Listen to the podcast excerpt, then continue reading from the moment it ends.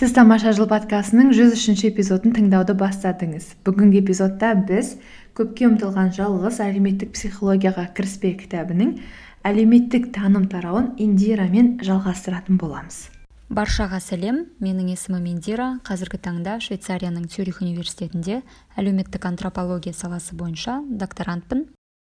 Элиот арнсонның көпке ұмтылған жалғыз кітабының мен бүгін талдайтын тарауы ағылшынша social cognition немесе әлеуметтік таным деп аталады. Әлеуметтік таным бұл біздің басқа адамдармен әртүрлі әлеуметтік жағдайлар туралы қалай ойлайтынымыз бұл ақпаратты қалай сақтап қолданатынымызды зерттейтін әлеуметтік психологияның бөлімі. Бұдан ары қарай индира әлеуметтік антрополог ретінде және осы кітаптың оқырманы ретінде әлеуметтік таным туралы ойын ұштастыра отырып сіздерге талдау жасайтын болады. Ә, мен бұл тарауды таңдаған себебім ә, өзімнің докторлық диссертациямда когнитивті антропология мен психологияның кейбір теорияларын қолдандым. Өзімнің зерттеуім барысында мен адамның этностық ерекшелігі күнделікті өмірде қалай және қандай жағдайларда көрініс табатынын зерттедім. Оның ішінде күнделікті адамдардың бір бірін идентификациялау тану процестеріне назар аудардым. Осы зерттеу барысында байқағаным адамдардың әрекетіне стереотиптер қатты әсер етеді. Ол стереотиптердің барлық кезде шын болмайтынын білсе де адамдар автоматты түрде оларға жүгінеді ә, және сол, сол стереотиптер олардың көзқарасына қарым қатынасына ықпал етеді екен. Бұл стереотиптердің кейде дұрыс емес болып қалатын адамдар өздері де түсінетін кездер болады. Бірақ та нақты ситуация болған кезінде адамдар ә, бұл стереотип қой ә, мүмкін менікі дұрыс емес шығар деп ұзақ ойлануға уақыттар болмайды. Олар автоматты түрде ең алғашқы келетін ә, дайын пікір ол жаңа стереотиптік пікір болып табылады. Ары қарай ол адам қарым қатынасын дамытқан кезінде мүмкін ол көзқарасы өзгеруі де мүмкін. Адамдар неліктен жүз пайыз дәлелденбеген және шынайы болмауы мүмкін осындай пікірлерге сенеді деген сұраққа элиот арнсон осы тарауында жауап береді. Осы тарауда автор бір мысалдан бастайды. Ә, бұл мысал бойынша орта ғасырларда денені жалаңаштау күнә болып саналған екен. Киімсіз денеге жындар өш келеді деген сенім басым болған. Сондықтан да көптеген адамдар орта ғасырларда шомылудан бас тартқан. Қазіргі заманның адамы үшін шомылудан бас тарту ол бір ерсі әрекет болып көрінуі мүмкін. Гигиенаға қайшы және ақылға сыймайтын ә, әрекет болып көрінсе ол уақытта ол норма болып саналған. Сол сияқты мысалы үшін жер бетінде қазір миллиондаған адам жаһандық ауа температурасының көтерілуіне адам баласының әрекеті ықпал ететіні туралы ғылыми дәлелденсе де оған сенбейді. Ғылыми негіздемелерге құлақ түргісі келмейді де халық арасындағы дәлелсіз әңгімелерге тезірек сенеді. Осы сұрақ негізі мені де қызықтыратын. Әсіресе осы қазақстанда пандемия басталған кезде жаңағы ватсап мессенджерлер не болмаса адамдардың арасында жүрген қаншама әңгімелер қаншалықты ғылыми негізделмесе де соншалықты танымал болғандығы мені де таң қалдырған болатын. Элиот арнсон осы тарауды мынандай тұжырыммен бастайды. Көп уақытта адамдар фактілер мен түсіндірмелерді өзінің пікірін қалыптастыру үшін емес өзі сеніп қойған нәрсені дәлелдеу үшін қолданады дейді. Адамдардың не үшін осылай ойлайтындығын автор осы тарауда сегіз түрлі тақырыпқа бөліп түсіндіріп береді. Солардың ішіндегі ең бірінші аргументі ол адам миының байаспен ағылшынша айтқанда байаспен ойлануы. Байас дегеніміз ол адам миындағы белгілі бір таптаурындар немесе бір жақты ойлар. Оны қазір мен түсіндіріп өтемін яғни адам негізінен барынша өзіне үйреншікті қарапайым және таныс шешімдерді қабылдауға бейім келеді деп айтады. Осы арқылы адам өзінің когнитивті энергиясын үнемдегісі келеді. Онда автор айтады барлық адам өзіне түсініксіз құбылыстар мен заттарды өзіне түсінікті етуге тырысады. Ә, сондықтан да адамдар метафораларды қолданады. Ә, сол кезде метафораларды қолдану арқылы өзімізге түсініксіз құбылыстарды түсінікті құбылыстармен салыстырамыз да ә, миымызда ә, жаңағыдай айқын сол кезде картина дейді ғой бейне оянады. Ә, мысалы үшін ә, адамның миын компьютермен не болмаса адамның жүрегін ә, қозғалтқышпен мотормен салыстыру соның мысалдары болып келеді.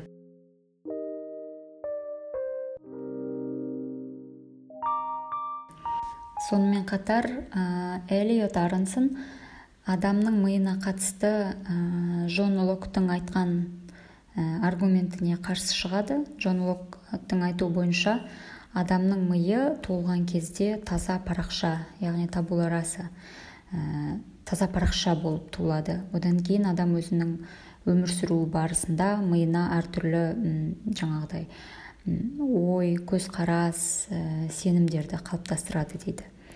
Ә, бірақ та ә, аронсонның ә, аргументі бойынша жоқ. Адам белгілі бір когнитивті ә, жаңа генетикалық жағынан алған кезде ә, белгілі бір когнитивті ерекшеліктерімен туылады дейді. Себебі бір отбасыда өскен әр баланың мінезі көзқарасы діни сенімі саяси сенімдері әртүрлі болып келуі мүмкін. Ә, ал адамның кейіннен алған тәрбиесі және қоршаған ортасы оның өзінде бар генетикалық бейімділіктеріне қосымша реңк береді. Деп санайды. Содан кейін ол ә, онда бізге табиғат не берді деген ә, сұраққа көшеді миымызға. Ә, оның аргументі бойынша эволюция барысында адамның миы ол эволюцияның нәтижесі болып есептеледі дейді. Адам жүздеген жүз мыңдаған жылдар бойы әртүрлі басынан өткен тәжірибесі барысында адамның миы қалыптасқан дейді. Ә, себебі адам өзінің эволюциясы барысында әртүрлі қатерден өтіп Э, өз ұрпағын сақтап қалу үшін э, ол физикалық күшімен қатар өзінің интеллектісін де дамытып отырды. Сондықтан да ә, біздің мәдениетіміз мәдениетіміздің ә, тұрып туып өскен жеріміздің ә, бізге беретін әсеріне қарамастан барлық адамға тән универсалды ә, бір эмоциялар универсалды ә, бір әдеттер бар деп ә, жаңағы тұжырымдайды. Ә, мысалы үшін қорқыныш қуаныш ашулану таң қалу секілді эмоцияларды ә, жаңағы адамның тіліне қай мәдениетке жататындығына қарамастан оның бетіндегі эмоциясынан байқауға болады дейді. Барлық қоғамда да мысалы үшін балалар ә, адамдар өздерінің балаларына ойыншық жасайды. Ә, белгілі бір мифтер мен ертегілерді құрастырады мысалы музыка шығарады. Не болмаса бір бірі туралы өсек айтады. Бұл нәрселер жаңа құбылыстар бүкіл кез келген қоғамға тән нәрсе деп санайды. Яғни бұл адамның эволюция берген адам миының ерекшеліктері деп санайды. Сондықтан да ә, заман өзгерсе де кейбір әдеттер мен бір бейімділіктер сақталып қалды деп айтады. Ә, мысалы өзімізді өмірімізді жалғастыру үшін адамдар әрқашан басқа бір адамды қажет етеді дейді. Сондықтан да адам өте ә, социалды әлеуметтік ә, жаратылыс ә, және адам топ болып өмір сүруге бейім. Ә, ол адам өз тобының ішінде серіктестік жақындық бағыну секілді әдеттерді қалыптастырады. Оған қоса ол ресурстарға таласу үшін бәсекелесуге де бейім тұрады. Ә, сондықтан да ол ә, адам баласы өзін қауіпті деп санайтын адамдарға қатысты ә, агрессия және кейбір жаңағы стереотиптерді ұстанады. Ә, осының барлығын автордың айтуынша ол өзін өзі қорғау инстинктінен пайда болған ә, әрекеттер деп санайды. Адамның миы негізі қауіп келгенін білдіретін жылдам ә, бір менталды процестерді тудыруға үйренген дейді. Ә, адамның миы ол тез арада кім жау кім дос екендігін анықтауға және жаумен күресуге дайын болуға негізі адамға көмектеседі дейді. Ә, соған байланысты ол жылдам реакция береді. Сондықтан да бізде жаңағыдай стереотиптер ә, жаңағыдай қате пікірлер бірінші кезекте ә, туындап отырады екен. Осындай пікірлер мен ойлардың туындау процесі негізі екі түрлі болып келеді дейді автор. Біріншісі бізге автоматты түрде келетін ойлар екіншісі ақырын ә, кішкене анализбен ойланумен барып шығатын ой пікірлер. Ол автоматты ойлау дейді. Бірінші тез келетін ойлауды.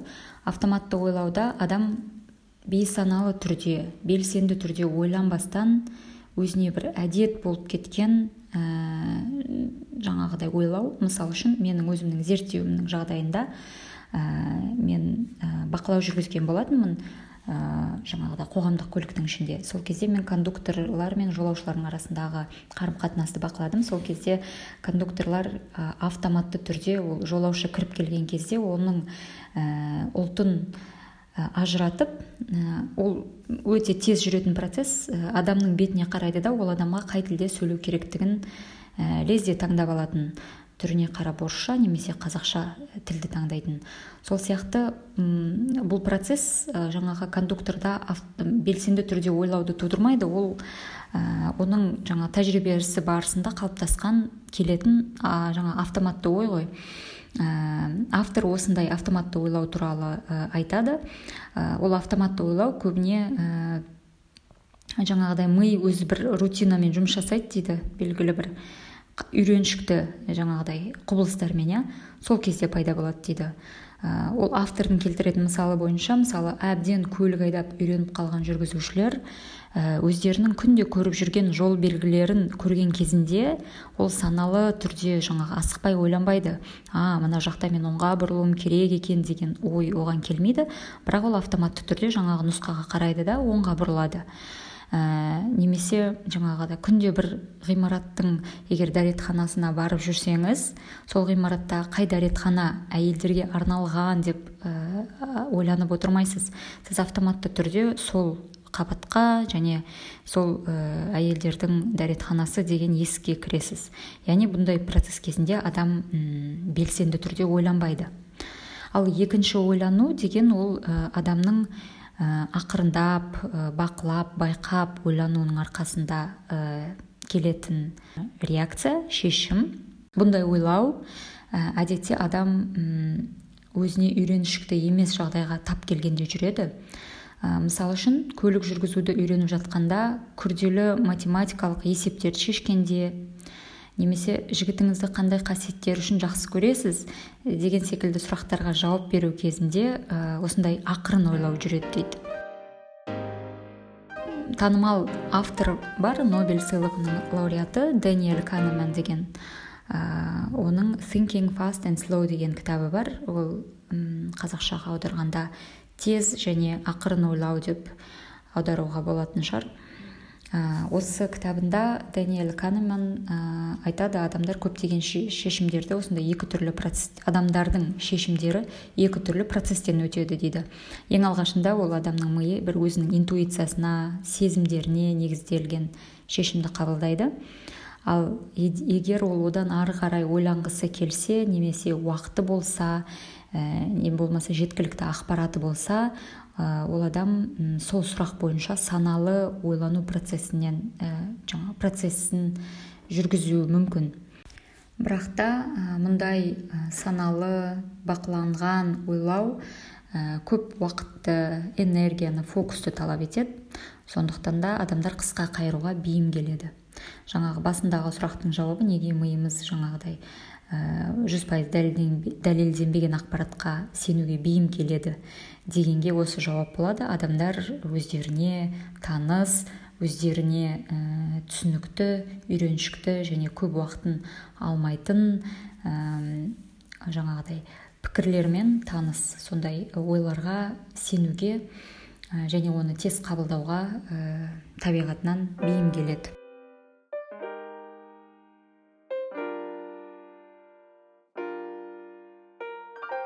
Егер осы тараудың бірінші бөлімінде ә, автор адам миының қалыптасуына осы эволюцияның әсерін әсері бар екендігін айтса ә, кейінгі одан кейінгі екінші бөлімінде автор адам миына ә, адамның қоғамда өмір сүруде көп әсер ететіндігін айтады. Ә, яғни адамдар барлық уақытта басқа адамдар туралы ойлайды дейді. Адамдар үшін басқа адамдар үнемі қызық. М сондықтан да мысалы үшін америкада people деген журналдың сатылымы өте жоғары жүреді. Себебі ондықта а, онда басқа жұлдыздардың өмірінен ә, детальдар береді. Ә, одан оған қоса адамдар мысалы басқа құбылыстар мен заттардан да бір адамға тән нәрселерді іздеп отырады дейді. Ә, мысалы аспанға қарап бұлттан адамның бейнесін іздейміз немесе тіпті роботтардың өзін адам бейнесінде жасап жүр. Ә, мысалы алекса және сири сияқты қосымшалардың артынан да біз негізі адамды көреміз. Ә, бұл дегеніміз ә, адамның миына оның кейбір ой пікірлеріне сенімдеріне міндетті түрде оның қоғамда өмір сүруі және қоғамның әсері үлкен. Қайтадан эволюцияға қайтатын болсақ өзі адам алғашқы пайда болғанынан бастап тайпа болып өмір сүру, сүрген.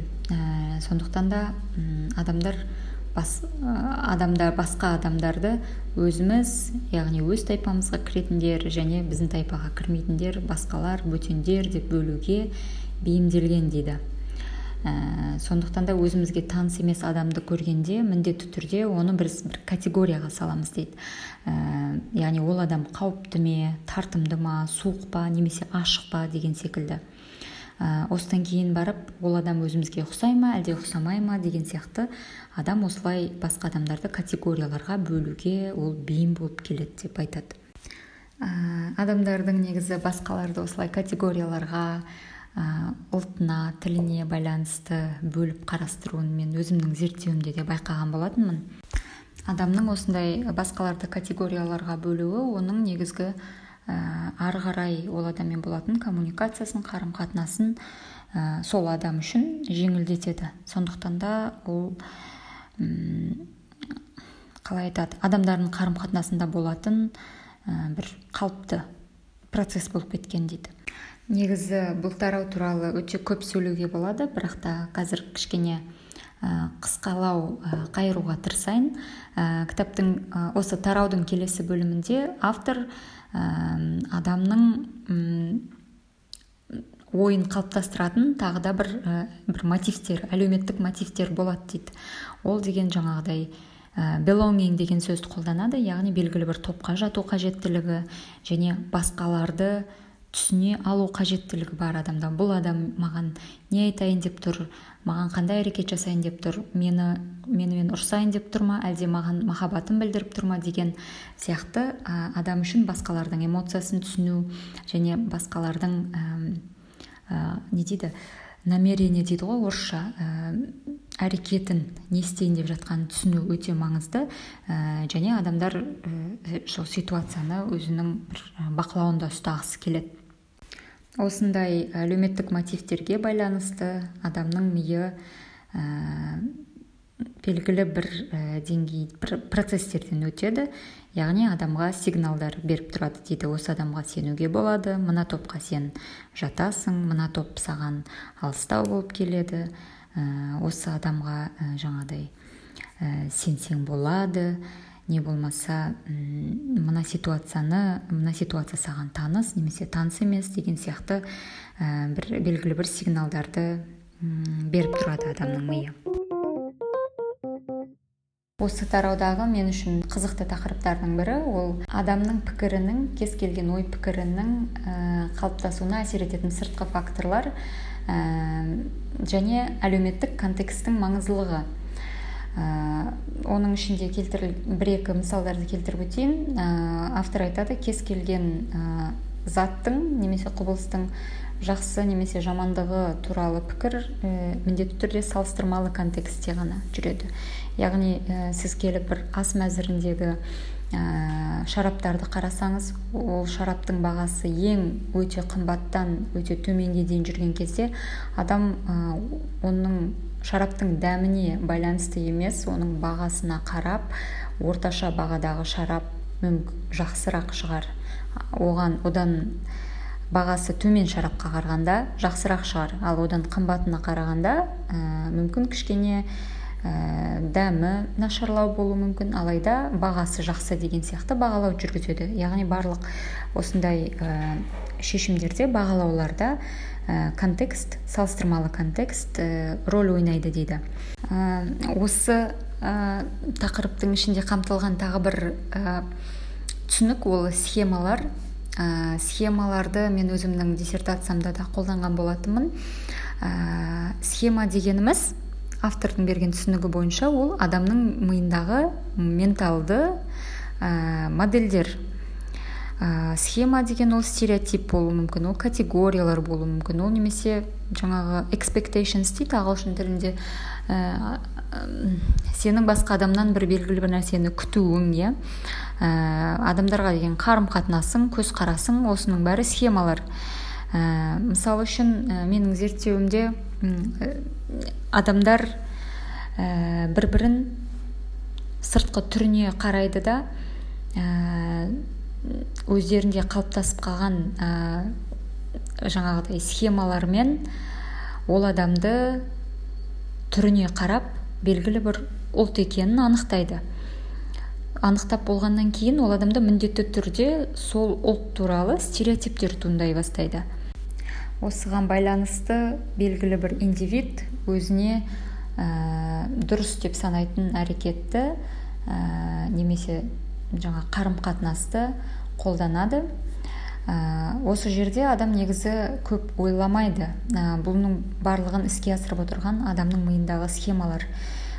Ә, бұл схемалар ә, белгілі бір мәдениетке тап, ә, тән болуы да мүмкін және ол әрбір индивидке тән болуы да мүмкін. Мысалы үшін кейбір адам үшін ә, шашы сары көзі көк адам ол ә, адамды көрсе ол а бұл кісі орыс ұлтынан деген ой келуі мүмкін. Ал кейбір адам үшін ол ой келмеуі мүмкін. Ә, бірақ та көпшілік адамдар қазақстандағы ойлауы мүмкін. А мүмкін бұл кісі орыс ұлтынан не болмаса славян ұлтынан деген сияқты. Яғни ә, бұлар адамның миындағы оның ойлауын жетелейтін қалыптасып қалған ә, менталды схемалар.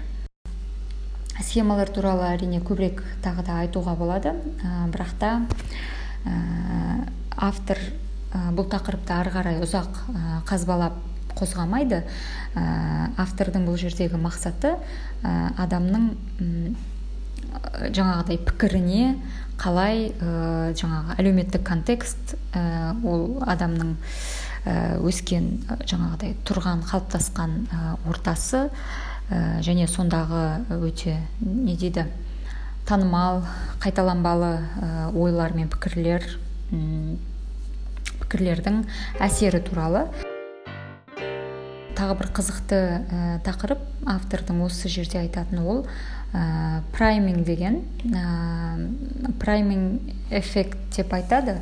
Ә, мұнда адам айтады ә, жаңағы элиот эринсон элиот аронсон айтады ә, егер бір адам туралы бірнеше сөзді бір адамды бір бес алты сөзбен сипаттап беретін болсаңыз ә, және ол сөздерді сіз қай ретпен қолданатыныңызға байланысты ә, адамның сол басқа адам туралы пікірі қалыптасады дейді. Мысалы үшін егер мен айтсам ә, стив ақылды пысық ә, сыни ойлайтын қырсық және іштар екінші бір нұсқасы стив ішітар ә, қырсық ә, сыни ойлайтын ә, пысық және ақылды. Деп айтқан кезде ә, осы экспериментті студенттерге жүргізіп көрген автор. Ә, сол кезде ә, стив ақылды және пысық деп басталған сөйлемді оқыған студенттер ә, стив туралы жақсы ой қалыптастырған екен. Ал ә, екінші нұсқасын оқып көрген студенттер яғни стив қырсық ә, және ең соңында ақылды деген оқыған студенттердің ә, стив туралы пікірі жаңа негативті болып келген. Бұл жерде автордың айтпағы кез келген ә, жаңағыдай құбылыс немесе зат туралы қай сөзді бірінші қолдансаңыз ә, ол адамның ә, пікірін жетелеп кетуі мүмкін.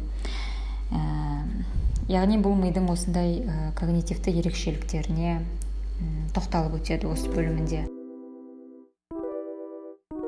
Кітаптың келесі бір ә, тақырыбы ол ә, адам миының эвристикаға негізделуі. Ә, эвристика дегеніміз яғни адамдардың ә, эвристика ол ә, менталды қысқартулар дейді. Көбіне ә, біз бір мәселені шешерде немесе бір шешімді қабылдаған кезінде ә, миымызда эвристика жұмыс жасайды. Ә, оның үш түрі бар эвристиканың. Ол ә, репрезентациялық эвристика біріншісі яғни ә, бір заттың сыртқы кейпіне қарап бағалау жасаған кезде біз репрезентациялық эвристиканы қолданамыз.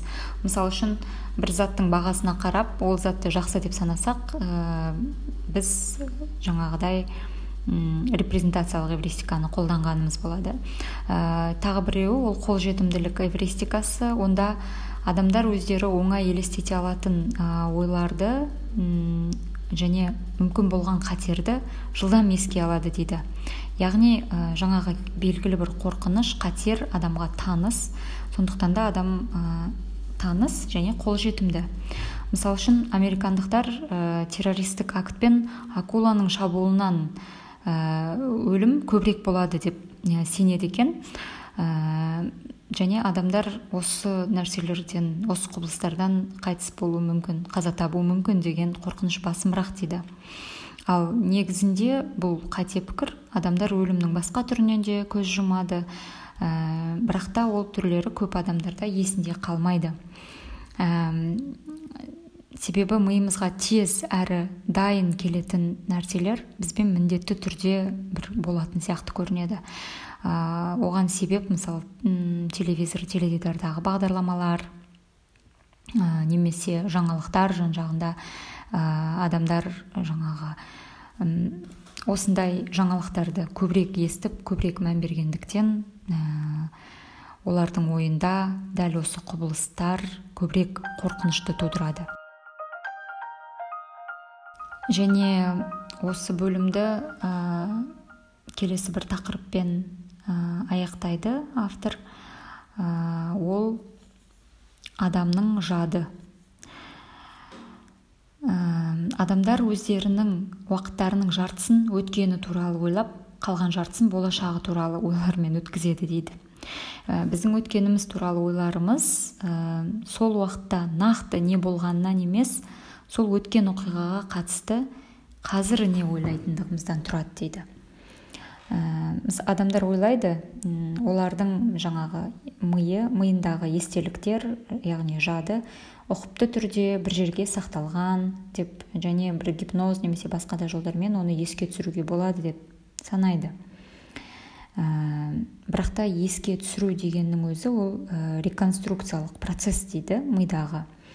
Яғни бір нәрсені еске алған кезінде біз сол кез туралы ойды қайтадан ә, жасаймыз. Яғни ол кез сәт өтіп кетті. Бірақ егер біз оны еске түсірген кезінде біз оны қазіргі сәтте ә, қалыптастырамыз сол өткен уақыт туралы ойды. Қорыта келе ә, бұл тарау ә, адамның когнитивті жағынан сараң екендігін айтады.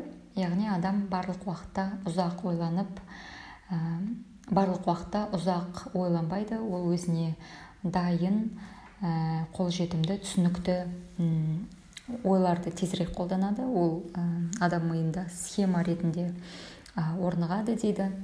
Ә, және адамның ойлауына әсер ететін ол эволюция оны да атап өтеді.